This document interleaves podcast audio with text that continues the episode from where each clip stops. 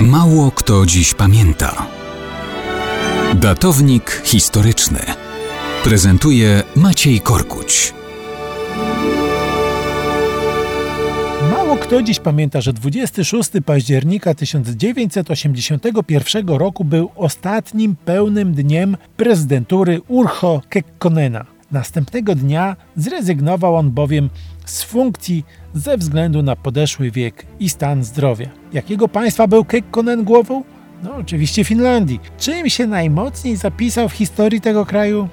Oczywiście polityką, która uzyskała miano finlandyzacji. Oznaczała ona rezygnację państwa fińskiego ze swobody w polityce zagranicznej za cenę zgody sąsiedniego mocarstwa, czyli Związku Sowieckiego, na utrzymanie gospodarki wolnorynkowej i generalne swobody wewnętrzne w państwie. Finlandia popierała więc wszelkie inicjatywy sowieckie na arenie międzynarodowej, formalnie głosząc neutralność nie przystąpiła do planu Marszala, unikała drażnienia Moskwy, zapewniła specjalny status partii komunistycznej. Położona na boku Finlandia miała więc o wiele większy komfort niż Polska. W jej przypadku Stalin potrzebował pełnego zniewolenia, a nie tylko wybiórczej uległości. Co ciekawe, sam Kekkonen przed wojną i w czasie wojny był politykiem mocno broniącym początkowo suwerenności, a po agresji sowieckiej na Finlandię był jednym z dwóch zaledwie posłów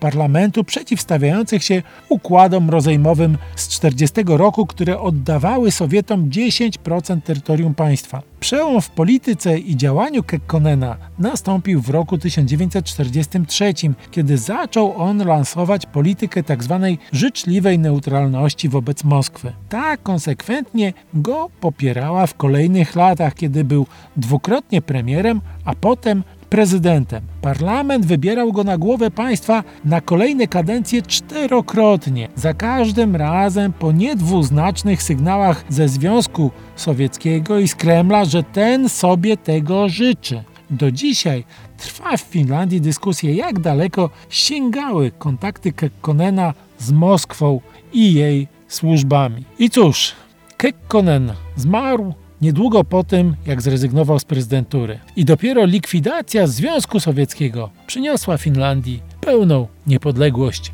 w latach 90. XX wieku.